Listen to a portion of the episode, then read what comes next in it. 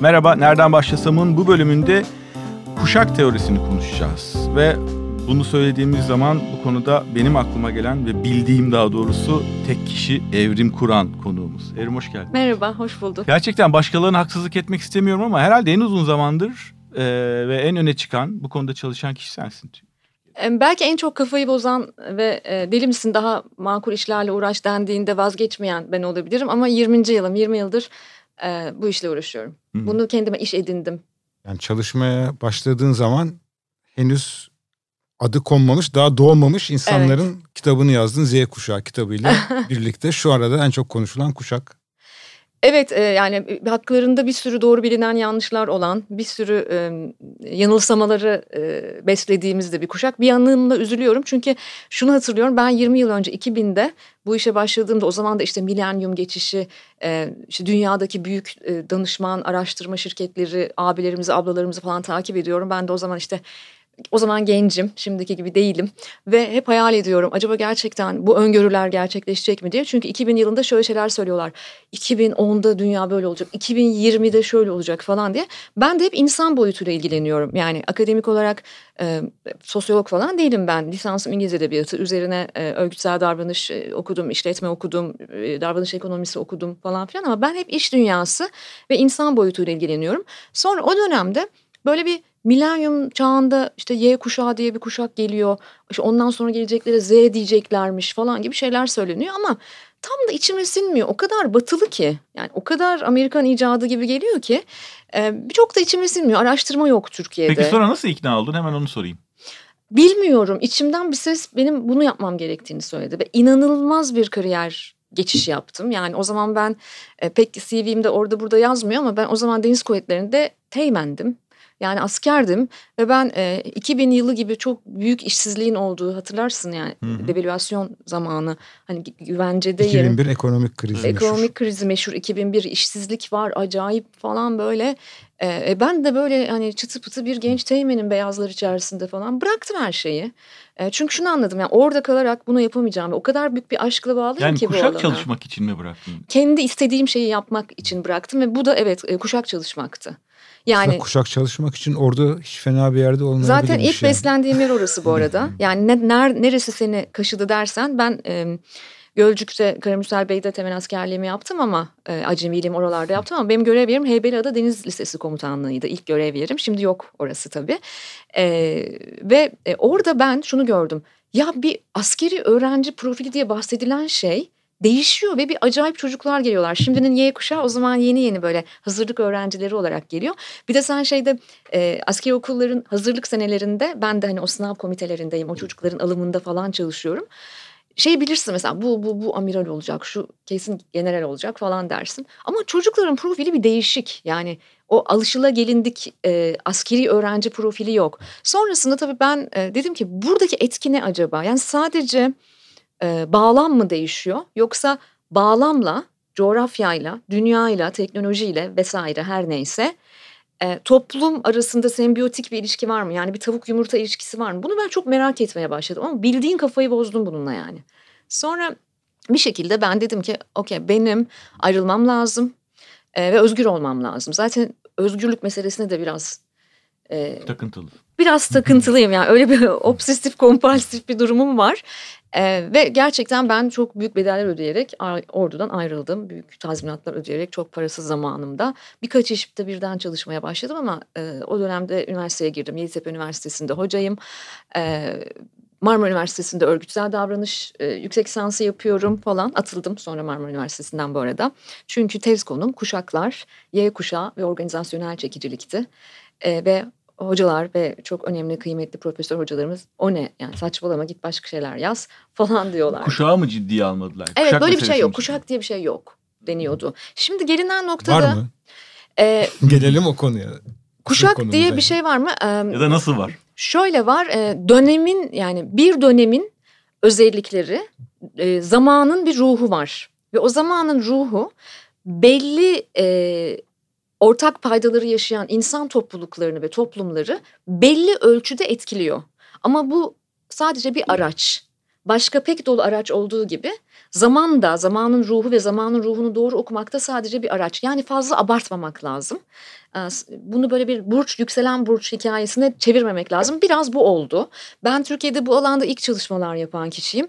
E, hep hayal ederdim. Derdim ki küçükken, gencecik bir kadınken ve girişimci olmaya hazırlanan biriyken derdim ki bir gün Türkiye'de kuşak dendiğinde ben aklı geleceğim falan diye böyle romantik romantik hedefler koyardım. Şimdi kuşak dendiğinde bir dolu klişe akla geliyor. Bir yandan seviniyorum ama bir yandan da yine her bir konu popüler olmaya görsün. Altını çok hızlıca, çok ezbere dolduruyoruz. Bundan da üzülüyorum. O yüzden de zaten birbirine benzemeyen toplumlarla araştırmalar yapıyorum. Dünyanın 61 ülkesinde araştırmalar yapan bir yapının parçasıyım ben. Ve hep şunu görüyorum. Her sene bir buçuk milyon gençle çalışıyoruz. Dünyanın dört bir tarafında. Ben iki ülkede birden yaşıyorum. Çok ülkede çalışıyorum. Ve bırak ülkeler arasındaki farklılıkları İstanbul'un iki mahallesi arasında bile zamanın ruhu farklılık gösterebiliyor. Bilhassa ben ıı, Covid-19 süreciyle beraber zaten varsılla yoksulun Z kuşağında iyice arasının da açıldığını düşünüyorum. Şöyle şu çok konuşulan Z kuşağı var ya acaba dünyada Z kuşağı yaş grubunda kaç kişi var diye bakayım tabii bu sınırları çok belli olmadığı için rakam da belli değil ama 1 milyarla 1 milyar 200 milyon arasında evet, %30 civarı. tahmin ettim.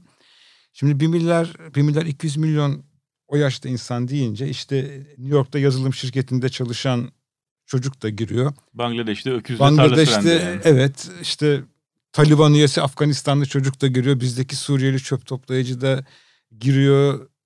İşte bir takım genç şöhretler, selebritiler, futbolcular, basketbolcular giriyor filan YouTuber'lar filan, giriyor. Filan. Bunları birleştiren şey ne olabilir? Ya da yani mesela biz her kuşak dediğimizde biraz uzatıyorum soruyu ama 68 e, kuşağı diye bilinen bir şey vardır. Gözümüzün önünde ne canlanır? Ya işte biraz radikal siyasal eğilimleri olup bunu eyleme döken bir grup ya da hippiler, çiçek çocukları filan. Dünya nüfusunun toplam ne kadarıdır bunlar? Yüzde biri ikisi. Ama döneme damgasını vuran onlar çünkü aslında diğer yüzde 98'i de biraz etkilemişlerdir diye düşünüyoruz. E, şimdi Z kuşağına gelir isek onları birleştiren bir şey var mı yoksa gene yüzde birden mi bahsediyoruz yüzde üçten mi bahsediyoruz? Çünkü orada da gözümüzün önünde canlanan bir şey var. Lafı uzatmamak için anlatmayayım ama Z kuşağı ya bunlar dendiğinde Taliban, Bangladeş'teki çocuk falan pek canlanmıyor gözümüz. Yani ben bir kere meseleye Türkiye'de yaptığım çalışmalarda Türkiye'nin Z kuşağının gerçekleri diye yaklaşmaya çalışıyorum. Benim bütün derdim gençlik. Türkiye'de baktığında 40 yaşın altında yaklaşık 52 milyon insan var. 40 yaşın altında, 20 yaşın altında 20 küsür milyon, 25 milyona yakın insan var. Dolayısıyla bu kadar genç bir coğrafyada gençlerin gerçekten dertlerini adres edebiliyor muyuz biz? bütün toplumsal çözümlerde veya kurumsal çözümlerde diye bakıyorum. Bazen bunları anlatırken kural koyucuya, şirketteki kural koyucuya veya e, yasa koyucuya anlatırken Z kuşağı dendiğinde bazen daha hızlı kabul görebiliyor ve daha hızlı bir paradigma yaratabiliyor. Bu yüzden ben de zaman zaman bu kalıpları kullanıyorum. Ama araştırmalarda hep şunu ortaya koymaya çalışıyoruz. Aralarında farklılıklar var fakat birleştirici olan şeyler varsa Ortak bir derttir bu ve dünya bu kadar küresel bir köyken küresel dertler var. Ama bu küresel dert kendini nasıl gösteriyor? Baktığında Hindistan'da başka bir formatta gösteriyor. İskandinav ülkelerinde başka bir formatta, bizde başka bir formatta. Mesela dünyada bugün gençlerin Z kuşağının diyelim 20 yaş civarının, 20 yaş altının büyük bir derdi var. Yetenek kıtlığı. Dünyada bunun ortalaması %55'e çıktı. Yetenek kıtlığı şu demek, sen mezun olduğun okulda öğrendiğin yetkinliklerle bugün bir yeni çağ şirketinde e, modern bir organizasyonel yapıda çalışman çok zor. Çünkü şirketlerin bekledikleriyle e, öğrencilerin aldığı yetkinlikler okullarda öğrendikleri çok farklı. Şimdi bu Amerika'ya gittiğinde de böyle. Yani Ivy League, Harvard'ına, Stanford'ına gittiğinde de durum böyle. Doğuya gittiğinde de batıya gittiğinde de böyle. Türkiye bundan payını alıyor. Türkiye'de de yetenek kıtlığı var ama sebepleri farklı. Yani zamanın ruhunun tetikleyenleri daha farklı. Benim derdim de bu gerçekleri ortaya koymak. O anlamda evet kuşak farklılığı var. Ben kuşak çatışması falan gibi lafları sevmiyorum. Çok da prim vermek istemiyorum onlara. Niye çatışsınlar ki? Her birinin harikulade özellikleri var. Her dönem insanının. Ee, yani insanın da bir e, varlığı da bu şekilde. Yani e, bebeklikten, çocukluktan, ergenlikten, yetişkinliğe evrildikçe biz de zamanın ruhuna adapte olabiliyoruz veya olamıyoruz. Ama şöyle bir gerçek var ki kuşak perspektifinden hayata baktığınız zaman şunu öğreniyorsunuz. En azından ben bunu öğrendim doğru veya yanlış yok, gerçekler var. Hı hı. Senin döneminin gerçekleri ama e, 60'larda da 70'lerde de 80'lerde de 90'larda da çok gençlerini seven bir genç ülke değildi yani tarihimiz bunun kanıtı. Zaten sevilecek gibi değiller dermişim şimdi ben. Şimdi 50'yi geçtim ya. Ben, ben dede olarak buradan. ama sizin kuşağınız e, hani Y deyip kestirip atmayalım ama Türkiye'de 40-20 yaş arası yaklaşık 27 milyon birey var. Sizin kuşağınız e, yani ben boomer ya ben. Evet boomer, boomer diyelim. Hani boomer diye de İngilizce bir şey söylemeyi sevmiyorum ama bebek bombardımanı kuşağı. Sizin kuşağınız bir klişe tabir olmasını istemem ama Y jenerasyonuyla en iyi anlaşan kuşaktır. Çünkü aynı kafadasınız. İsyan dilleriniz farklı ama is, isyana dair yani zihinsel bir isyana dair bir tavrınız var. Aradaki kuşak yani benim kuşağım, Mirgün'ün kuşağı biz biraz daha farklıyız. Daha statikocu, daha bireysel yetiştik. Çünkü kapitalizmin ayak sesleri duyuldu. Dünyanın farklı toplumlarında biz aman çocuğum sen önce kendini kurtar, olaylara karışma diyerek büyümek zorunda kaldık. Peki klişelere düşmeden ya Y kuşağı böyleydi, Z kuşağı böyle olacak e, demeden kuşağı açıklamak, kuşağı tanımlamak nasıl mümkün? Şöyle tanımlayabiliriz. E, tarihin belirli aralıklarında e, belirli bağlamları, belirli belirli dönemlerde benzer deneyimleri yaşama olasılığı yüksek gruplar, kohortlar diyor Batılılar ona. E, aynı zaman diliminde benzer deneyimleri yaşamış e, gruplar diye kuşağı tanımlayabiliriz. O yüzden böyle bakacak olursan şimdilerde popüler bir yaklaşım var şey diyorlar. Artık teknoloji o kadar gelişti ki kuşaklar iki yıla indi. İki yılda bir kuşak değişecek. O öyle değil. Buna dijital darwinizm deniyor. Yani aletler bizden daha akıllı. Bütün bu teknolojik aletler insandan çok daha hızlı evriliyor. İnsanın evrimleşmesi o kadar kolay değil. Kültürün değişmesi için bile niyet ettim Allah rızası için bu kültürü değiştirmeye dedikten sonra 7 yıl geçmesi gerekiyor. O yüzden bu kohortlar yani kuşak dilimleri Batı sosyolojisinin işaret ettiği kadarıyla söyleyeyim bunu. Çok kıymetli hocalar var gerçekten araştırmacılar var. 15 ila 20 yıllık dönemlerde değişiyor. Ben de bu konuda muhafazakarım. Teknoloji bu kadar hızlı değişti diye yok şimdi her kuşağa bir harf veriliyor. Yok işte İ nesli, Z nesli, Y nesli bilmem ne nesli. Öyle değil. Ee, dönemler 15-20 yıllık aralıkları korurlar ve döngüsel hareketleri var. Birinci kitabımda Telgraftan Tablete de bunu anlattım. Bu konuda yapılan çok derin çalışmalar var. 1970'lerde başladı Batı'da, Amerika'da başladı. Ama Batılılar bu çalışmaları yaparken Batı'dan ilham almadılar bu arada. Onu da söylemek istiyorum. Ve Amerikan icadıdır kuşak işi diyenlere bunu çok söylüyorum. Ee, siz benden çok daha iyi bilirsiniz. Batı sosyolojisinin babası diye bilinen İbni Haldun mukaddimede aslında bu döngüselliği, tarihin döngüselliğini e, öyle bir anlatıyor ki Amerika'da iki e, önemli sosyolog William Strauss ve Neil Howe bunu alıyorlar. Amerikalıların tipik yaptığı e, iş budur zaten. Bunu çok basit haliyle modelliyorlar ve aslında dünyaya yayılımı da bu şekilde gerçekleşiyor. Benim 20 yıl önce tatmin olmadığım noktada çok Amerikalı gelmesiydi bana bu işlerin. O yüzden de Türkiye araştırmalarında derinleşmek istedim. Şimdi artık son 20 yılda bir hayli çalışma var elimizde. Ee, çok farklı sosyoekonomik seviyelerde, çok farklı, e, Türkiye'nin çok farklı kentlerinde, çok farklı meslek gruplarında. Yani genel olarak madenciler hakkında da konuşabilirim. Plazaların e, şık beyaz yakalıları hakkında da konuşabilecek kadar e, data oluştu. Peki dönem ve sosyoekonomik sınıflar e, bir, bir biri yataysa biri dikey kesiyor. Evet. Chartı diye düşünebiliriz belki. Bunları nasıl aynı tabloda bir, birlikte okuyabiliyoruz ve anlamlı bir sonuç çıkarabiliyoruz? Aslında soru şu, e, neyin peşindeyiz? Soruya soruyla yanıt vermem lazım. Neyin peşindeyiz? İyileştirmeyi istediğimiz, görmeyi istediğimiz, anlamayı istediğimiz şey ne? O yüzden e, yanılsamaları düşmekten çok korkarım bu işi yaparken. O yüzden davranış ekonomisi eğitimi aldım. Ee, yanılsamalara düşmemek için de e, datayı abartmadan, datayı anlamlı bir biçimde içgörüye çevirmek bizim işimiz. Neyin peşindeyiz? Ee, nasıl bir bilgi veriyor? O yüzden ben kantitatif e, çalışmalardan yıllar içerisinde kalitatife doğru daha çok kaydım. E, yani önemli olan bir milyon insana sormak değil de gerçekten temsil eden gruplara sormak. O yüzden tek bir çıktıda bulunmak çok mümkün değil.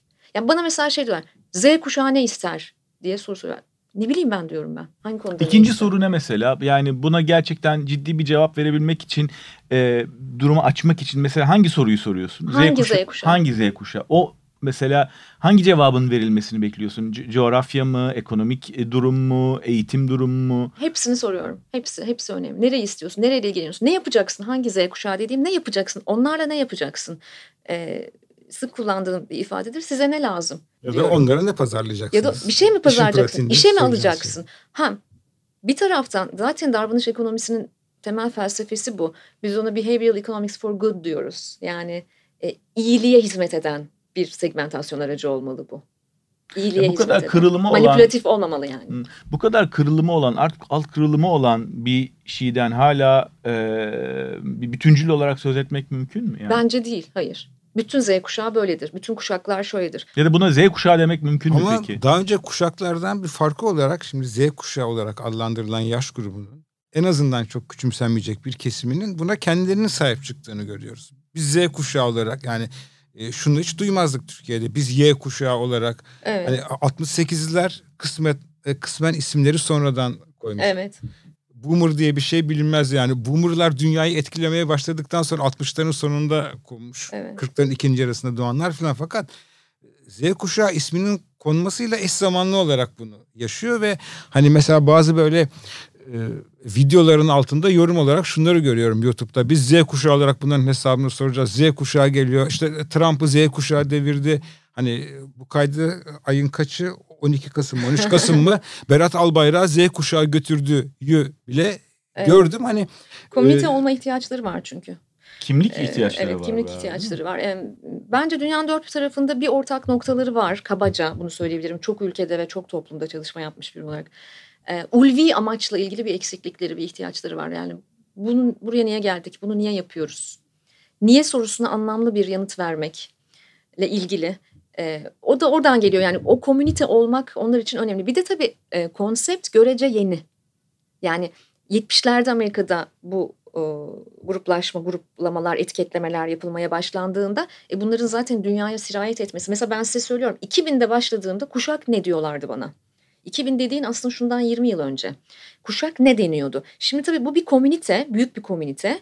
Ee, benim de destek olduğum böyle Z kuşağı komüniteleri var. Ee, bir parça onlara e, mentorluk etmeye çalıştığım ve onlardan beslendiğimde. E, ama şunu görüyorum mesela e, şu anda mentorluk etmeye çalıştığım bir Z komünitesi var Türkiye'de. Kendilerine öyle diyorlar onlar. Onlar öyle dediği için bunu kullanıyorum. Z, Z community diyorlar. Mesela onlara baktığım zaman Türkiye'nin dört bir tarafından birbirine hiç benzemeyen çok farklı ilgi alanlarından gençler. Ama örgütlenebilme kabiliyetleri çok yüksek tabii. Çünkü bağlam müsaade ediyor buna. Şimdi evet bir dijital imkanların getirdiği bir kimlik oluşumu ve bu kimliğin e, ortak paydalarını bulma evet. ya da benzerlerini bulmak gibi bir durum var. Ee, bir de en başta söylerken oraya girecektim. Bu kuşaktan da bir beklenti de var galiba değil mi? Yani büyük Y kuşağı da mesela az önce dedin ya hani Z kuşağı e, olarak biz diyorlar. Evet. Bir yandan da ama ya bu düzeni Z kuşağı değiştirecek diye de bir beklenti var. Ya evet o kadar e, arızalı bir dünya bırakıyoruz ki o kadar e, e, hoyratça davrandığımız her anlamda ekolojik olarak, siyasal olarak, duygusal olarak o kadar canını acıttığımız bir dünya bırakıyoruz ki ben hep şöyle düşünüyorum galiba e, galiba kuşak meselesine ilk gönlüme düşüşü Aziz Nesin'in Şimdiki Çocuklar Harikasını okuduğumdaydı. Yani ben çocukkendi. Ee, orada Aziz Nesin şey diyordu. E, dünyaya daha iyi yani çocuklarımıza daha iyi bir dünya bırakmak yerine dünyaya daha iyi çocuklar bıraksak belki daha iyi olacak. Bu, bu bence çok önemli. E şimdi biz bu kadar hoyrat, hoyratız, hala hoyratız. Bak iş dünyasında hala öyleyiz. Hala elimiz çok vicdanımızda değil. İnsanı merkeze koymuş değiliz. Teknolojiyi insan için hala yeterince kullanmıyoruz. İnsanın hayat kalitesini iyileştiren bir teknolojiden hala bahsedemiyoruz. Dolayısıyla bütün e, tarafıyla, her yanıyla yaşadığımız Covid-19 süreci bence korkunç kentleşmenin bizi getirdiği hallerden sadece bir tanesi. Bütün bu büyük fotoğrafa baktığında ya bu çocuk ekolojik sorunu çözecek, ekonomik krizi çözecek e, kapitalizmin yeni boyutu ve şekil değiştirdiği bu hal ne olacaksa artık onu çözecek. E, su sorununu çözecek. Yani o kadar çok beklentimiz Kötü iktidarları var. def edecek. Kötü iktidarları def edecek. Kaliteli müzik dinleyecek. Edebiyata yeni bir şekil verecek. Futbola etik getir. Ya bu çocuk hangi birini yapacak? Dolayısıyla ben onlara baktığım zaman çocuk olmak için ne kadar zor bir zaman diyorum. O yüzden de bırakalım bu komünite olma ihtiyaçlarını bir arada gidersinler. Bu benim hoşuma gidiyor açıkçası. E bir de artık tabii bağlam çok müsait. Dünyanın dört bir tarafındaki kuşak dışıyla bir araya gelebiliyorlar. Ben ama genel olarak daha barışçıl bir dilleri olabileceğini hissediyorum, seziyorum. Belki bunu söylemek için çok erken. Çünkü biraz onları para harcarken, biraz oy kullanırken görmemiz gerekiyor. Sadece öğrenciliklerini görmek, evde çocukluklarını görmek yeter değil. Şimdi yeni yeni oluyor bu. E, 2023'te olası bir seçim olması halinde hani 2023 diye varsayalım olası bir seçim olması halinde e, toplam 7,5 milyon 20 yaş yani bugün 20 yaş altı olan Z kuşağı çocuk genç oy kullanacak e, ve bunların önemli bir kısmı da ilk defa kullanacak. E, böyle böyle göreceğiz işte o yüzden Amerikan seçimlerini de çok önemsedim ilk defa bu kadar çok e, genç seçmen oy kullandı. Dolayısıyla ben bu çocuklarda şunu göreceğimizi düşünüyorum. Markalara bakışta, e, şablonlara, şekillere ve 20. yüzyılın tanımlarına bakışta değişiklikler olacak. Ve kimler acı çekecek bence? Ben fütürist değilim. E, falcılık falan da yapmak istemem. E, ama şunu hissediyorum. 20. yüzyılın kurallarıyla oynadığı oyunu oynayanlar, oynamaya devam edenler biraz bedel ödeyecek gibi geliyor bana. Hem tüketici anlamında, müşteri anlamında, seçmen anlamında, çalışan anlamında. E, o yüzden çok sevdiğim Allah rahmet eylesin e, e, Alvin Toffler'ın e, bir süre önce kaybettiğimiz dünyanın en önemli fütüristi Alvin Toffler'ın 1980'lerde yazdığı bir kitapta şey demişti bak 80'ler biz çok küçüğüz daha. E, 21. yüzyılın cahili eskiden öğrendiğini unutamayan olacaktır demişti. Hı. 21. yüzyılın cahili olmamak lazım. Kuşaklar bana bunu öğretti kuşak çalışmaları. Doğru veya yanlış yok gerçekler var. O yüzden ben mesela babamı yargılamıyorum. Ve oğlumun sorumsuz olduğunu da düşünmüyorum. Çünkü ikisinin gerçeklikleri birbirinden çok farklı. Çünkü daha iyi kuşak, daha kötü kuşak yok. Farklı kuşaklar. Farklı o da kuşak hayatın var. doğal Bu da doğal. Bunu da abartmayalım. Ay Z kuşağı dünyayı kurtaracak veya X kuşağı bizi mahvetti falan diye bir şey yok. Ben zaten demin onu alıntı olarak söyledim. Yani ben Trump onlar devirdi, Berat Albayrak onlar götürdü demiyorum götürmedi de demiyorum. Yani onun üzerinden ölçülecek bir şey değil. Değil. Değil. Peki çok güzel anlattın. Ee, daha fazlasını nereden öğrenebiliriz? Aa, ayıp olmazsa kendi kitaplarımı tavsiye edebilir miyim başlarken? Çünkü neden biliyor musun? Ee, çok istediğim bir şey var. Türkçe yayın e, ve Türkçe araştırma olmasını çok istiyorum bu konuda. E, 8 yıldır Türkiye'nin istihdam e, edilebilir gençleriyle ilgili e, bir araştırma yapıyoruz. Biz 8. her sene Harvard Business Review e, medya ortağımız Harvard Business Review'un Eylül sayısı her sene Türkiye'nin gençleri ne istiyor diye çıkar. 8 yıldır süre gelen bir araştırma. Naçizane önerim 2013'ten 2020'ye kadar her sene biz gençlerden neler duymuşuz oraya bakabilirler. E, oldukça e, çabuk hızlıca okunabilir, dijitalden erişilebilir. Erişilebilir. Erişilebilir. Kaynak. Harvard Business Review web sitelerinden erişilebilir. En güncelinde 72 bin gençle yaptığımız çalışmada bu Eylül'de yayınladık. E, hep o öyle bir dosya olarak çıkar. Yanı sıra e, ben bu konuda Türkçe kaynak eksikliği ve çok Amerikan icadı e, kavramlar ve jargon beni çok e, yorduğu için e, birinci kitabımı bu yüzden yazdım. Ben hep kitap yazmaktan kaçınıyordum çünkü e, yani ne haddime aslında bakma edebiyatçıyım bu arada ama e, ne haddime niye kitap yazayım ki falan diyordum ama editörüm o kadar bana baskı yaptı ki yani artık bunu her tarafa eriştirmeliyiz diye. Ve ben e, kendi aile hikayelerimden yola çıkarak Türkiye'nin kuşaklarını yazdım. Z kuşağına kadar olan. Telgraftan tablete birinci kitabım benim. Telgraftan tablete de hem kuşak teorisi var hem de Türkiye'nin Cumhuriyet tarihinden bu yana kuşakları var. Benim büyük babam e, büyük babam halk ozanı Ali Gürbüz. Onun torunuyum. E, onun yaşadığı Türkiye yani Türkiye'nin Cumhuriyet tarihinin ilk kuşağı ve aslında ne kadar başka bir başka bir Türkiye olduğunu da görüyoruz. Sonra babam e, sizin kuşağınız. Sonra e, ben Sonra kardeşim ve kitap oğlumla, oğlum Ali ile, Z kuşağı o da. Oğlum Ali ile bitiyor. Bu Türkiye'nin e, kendi aile hikayelerimle Türkiye'nin geçişini anlatan, e, anlatı ile data anlatmayı seviyorum ben. Yoksa okumuyoruz araştırma. Ve içinde bir dolu araştırmalarımız olan bir kitap. E, sonra o kitabı özellikle oğluma geldiğimde bıraktım. E, ve ikinci kitabımı e, sadece oğlumun kuşağı olan e, Türkiye'nin 20 yaş altı kuşağı için yaptım. Özel bir araştırma yaptık onun için. Ee, Ankara, İstanbul e, ve İzmir'de çok kapsamlı bir saha çalışması yaptık. Birebir mahallelere giderek ve bu çocuklarla oturarak orada dört tane persona yani kuşak temsilcisi görecekler. Onların hikayeleri var birbirine benzemeyen bu çocuklar aslında nasıl anlatıyorlar? Birine atölye diyorsun, okulda Çalıştığım yaptıkları atölye çalışması. Birine atölye diyorsun, çalıştığım yer diyor. Ee, anlatı yöntemiyle onu anlatmaya çalıştım gene ve içindekiler gerçekten araştırma ve Türkiye araştırması. Bunu tavsiye ederim. Ama yanı sıra ben çok şey sorusunu alıyorum. Ben daha derin kuşak okuması yapmak istiyorum. Üşenmezseniz, daralmazsanız, sıkılmazsanız lütfen kütüphanenizde İbn Haldun mukaddime bulundurun. Roman okur gibi okumak zorunda değilsiniz. Arada sayfaları çevirebilirsiniz. Aslında bir ön sözdür mukaddime. Ee, ama iki cildini de edinmelerini tavsiye ediyorum. Zaten o kadar ilgi gören bir eserdir ki sürekli Yeni baskıları yapılır. Hangi çeviriyi e, alalım diye bana sorarlar. E, ben Turan Dursun çevirisini kullanıyorum. Tavsiye ederim. E, çok çok okuyorum. Yani gerçekten çok okuyorum ben.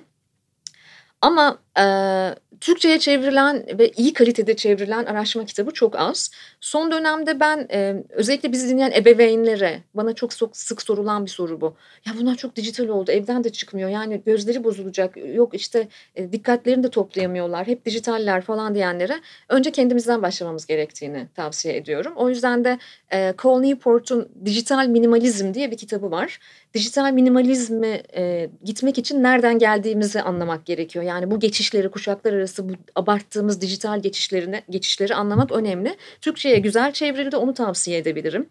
E, benim de destekçisi olduğum Center of Humane Technology yani insan için teknoloji merkezi nin çalışmalarını mutlaka web sitesinden, web sitelerinden takip etmelerini öneririm. Hiç olmazsa Netflix'te Social Dilemma belgeseli zaten Center of Humane Technology'nin çektiği bir belgesel.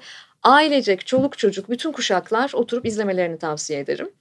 Ee, beraber mi ayrı mı? Beraber.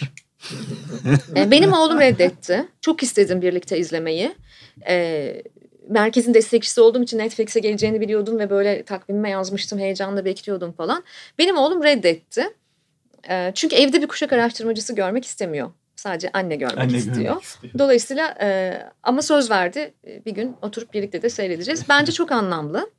E, birbirimizden bir farkımız olmadığını görmek açısından bence anlamlı. Bundan başka ne okusunlar? Ya e, bir gün ne bulurlarsa okusunlar Allah aşkına. Gençler okumuyor deyip duruyorlar da bırakın lütfen yetişkinler, ebeveynler okuyor mu ki çocuklar okusun? O yüzden lütfen ne bulurlarsa ambalaj etiketlerine kadar ne bulurlarsa insanlar okusunlar. Çok teşekkür ediyoruz Evrim Kur'an. Çok teşekkürler. Çok güzel bir sohbet oldu. Mersi. Teşekkürler.